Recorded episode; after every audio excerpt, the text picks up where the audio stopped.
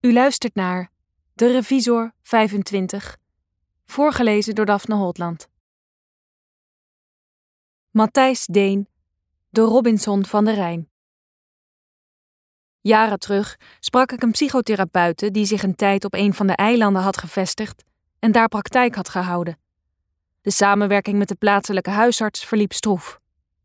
Hij zag liever dat de eilanders hun zielennood bij hem kwamen lenigen niet dat ze dat deden natuurlijk. Eilanders hebben geen problemen. Eilanden zijn voor onverzettelijke. Rondom stroomt en klotst het, bootjes varen voorbij, wolken zeilen over. Het eiland blijft. De eilander is gelukkig. Hij toont Facebook-vriendenfoto's van zonsondergangen en strandvondsten. Geen mooiere plek dan het eiland, ligt hij toe. Of het was weer vroeg dag aan het strand. De psychotherapeuten wonen midden in het dorp. Klopte je op haar raam, belde je bij haar aan, ging je bij haar door de voordeur naar binnen, dan was je gezien en werd je besproken. Zodoende ging niemand door die voordeur naar binnen, belde er niemand aan, klopte er niemand op het raam. Toch had ze volop werk. Als de avond viel, klopten de verdrietige eilanders aan de achterdeur. Als inbrekers kwamen ze door de tuin geslopen. Onder hun jas voerden ze geen koevoet, maar wanhoop mee. De achterdeur ging rustig open.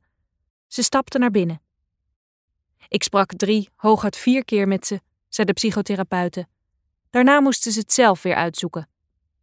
Ze zat tegenover me, aan dek van een boot die een seizoensgebonden dienst onderhield met het naburige eiland. Om ons heen enkel badgasten. Ze kon vrij uitspreken. Ik hou ermee op, zei ze. Ik ga weer naar de wal. Ik moest opeens sterk denken aan de eilander over wie ik had gehoord dat hij zich had opgehangen. Ik herinnerde me hem vaag als een man bij de aanlegstijger, voeten stevig op de grond, ogen op de badgasten. Leven. Maar wat weet je ervan? Niks. En op een dag, bijna terloops, het nieuws van dat onomkeerbare besluit. Die stevige eilander los van de grond, de eenzaamheid ervan. Ze lijken me doorgaans zo tevreden, zei ik allemaal dol op het eiland. Ze moeten wel, zei ze, want als hun eiland niet de mooiste plek op aarde is, wat moeten ze dan? Ze hebben verder niks. Daarom vertellen ze zichzelf dat verhaal. Ik keek over haar schouder naar hoe het eiland oprees uit zee, de vertrouwde kustlijn.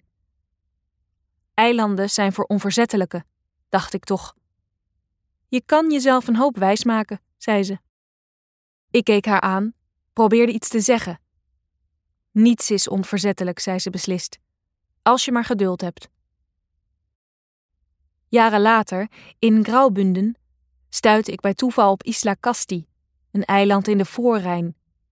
Het is eigenlijk een schiereiland en het ligt op een moeilijk toegankelijke plek in de Rijnslucht, een canyon van 13 kilometer lang met rotswanden die op sommige plekken meer dan 300 meter oprijzen boven de rivier. Het groenblauwe water bruist met grote haast over rotsen en kiezels. En daar, op Isla Casti in de Voorrijn, woonde in de vorige eeuw, afgesloten van de rest van de wereld, een schrijnwerker met zijn zeven kinderen en zijn geduldige vrouw. De man, die in 1970 op 85-jarige leeftijd stierf, heette Jozef Anton Sturi en zijn vrouw Anna Margareta Kamenisch. Sturi was een inventieve zonderling die alleen met grote tegenzin van zijn eiland afkwam en in de omliggende dorpen Flims en Versam forellen verkocht en nu en dan meubelmakersklussen aannam. De boeren en dorpelingen hielden afstand, gaven hem de bijnaam Robinson van de Rijn. De rivier is in de kloof niet breder dan 10 tot 20 meter, maar ze is toch te onstuimig en koud om te doorwaden of over te zwemmen. Er is geen brug naar Isla Casti. Zodoende woonde Story met zijn vrouw, kinderen en geiten geïsoleerd in de rivier. Een eilander in het Hogebergte. Dat zijn eiland feitelijk een schiereiland is, deed aan zijn isolement niets af. De rotswand waar Isla Casti aan vastzit, rijst meer dan 100 meter steil op.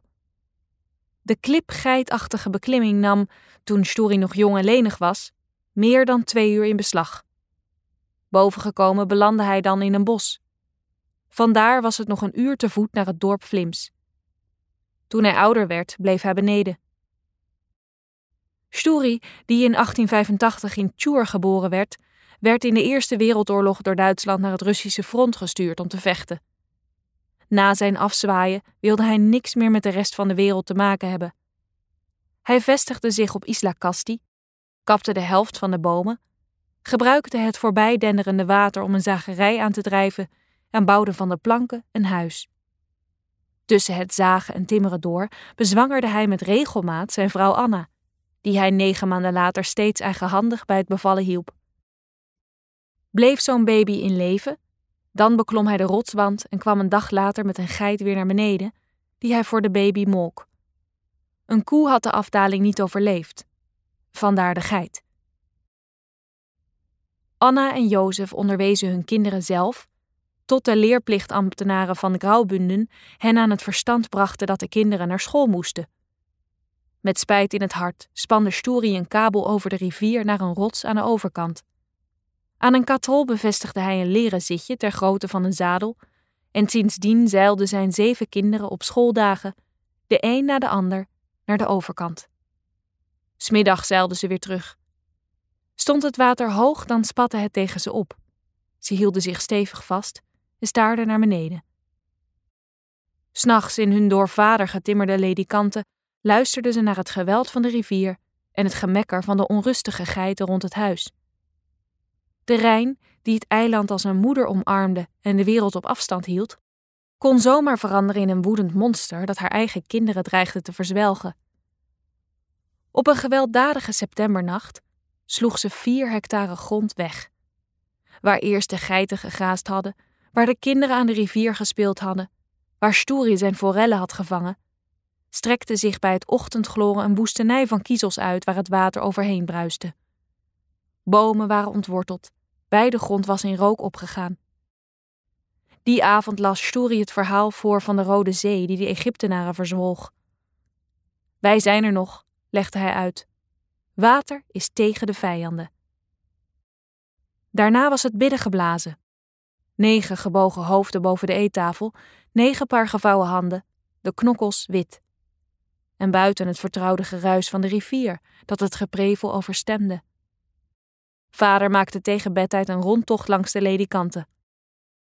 Het eiland is de mooiste plek op aarde, zei hij. De Rijn is onze moeder. We gaan hier nooit weg. Maar iedereen gaat uiteindelijk weg, ook Stoeri. Er bestaan vlekkerige filmbeelden van hem, gemaakt op 8 mm. Hij verschijnt er als een vlassig bebaarde man met lange, kromme pijp die over zijn eiland scharrelt.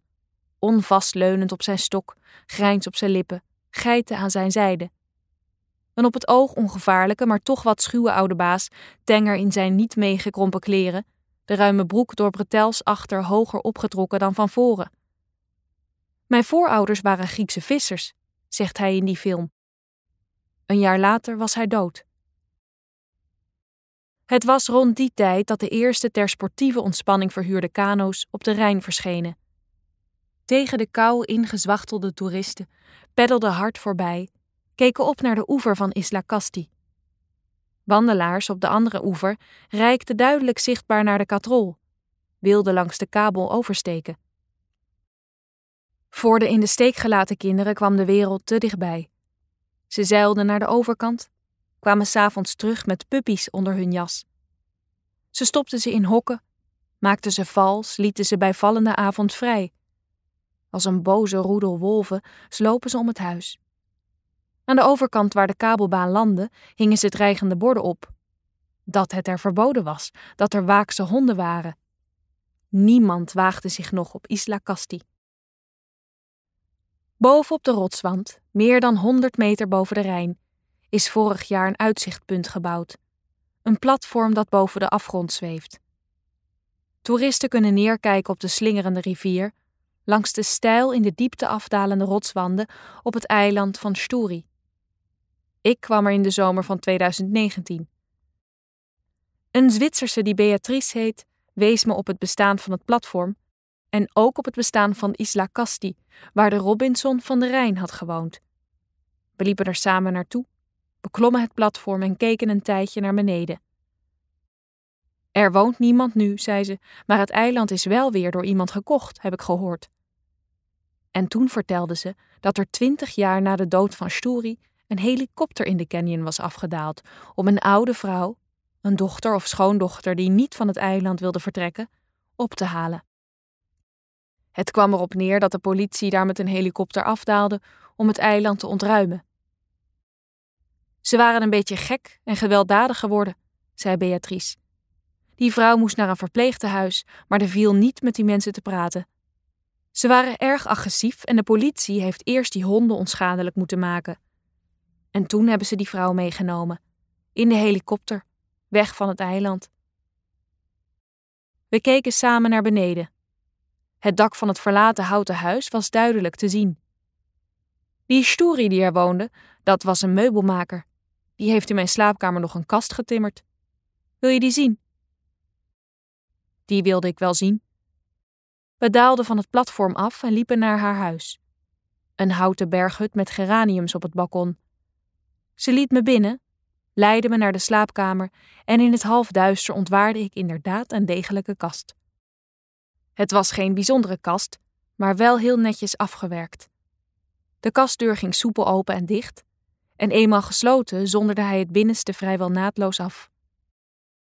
Dat heeft hij dus gemaakt, zei Beatrice. Der Story. Ik keek naar de kast alsof die alles moest verklaren. Maar de kast was heel erg stil en heel erg dicht. En wij stonden daar maar wat, omdat we nu ook niet meer goed wisten wat te doen.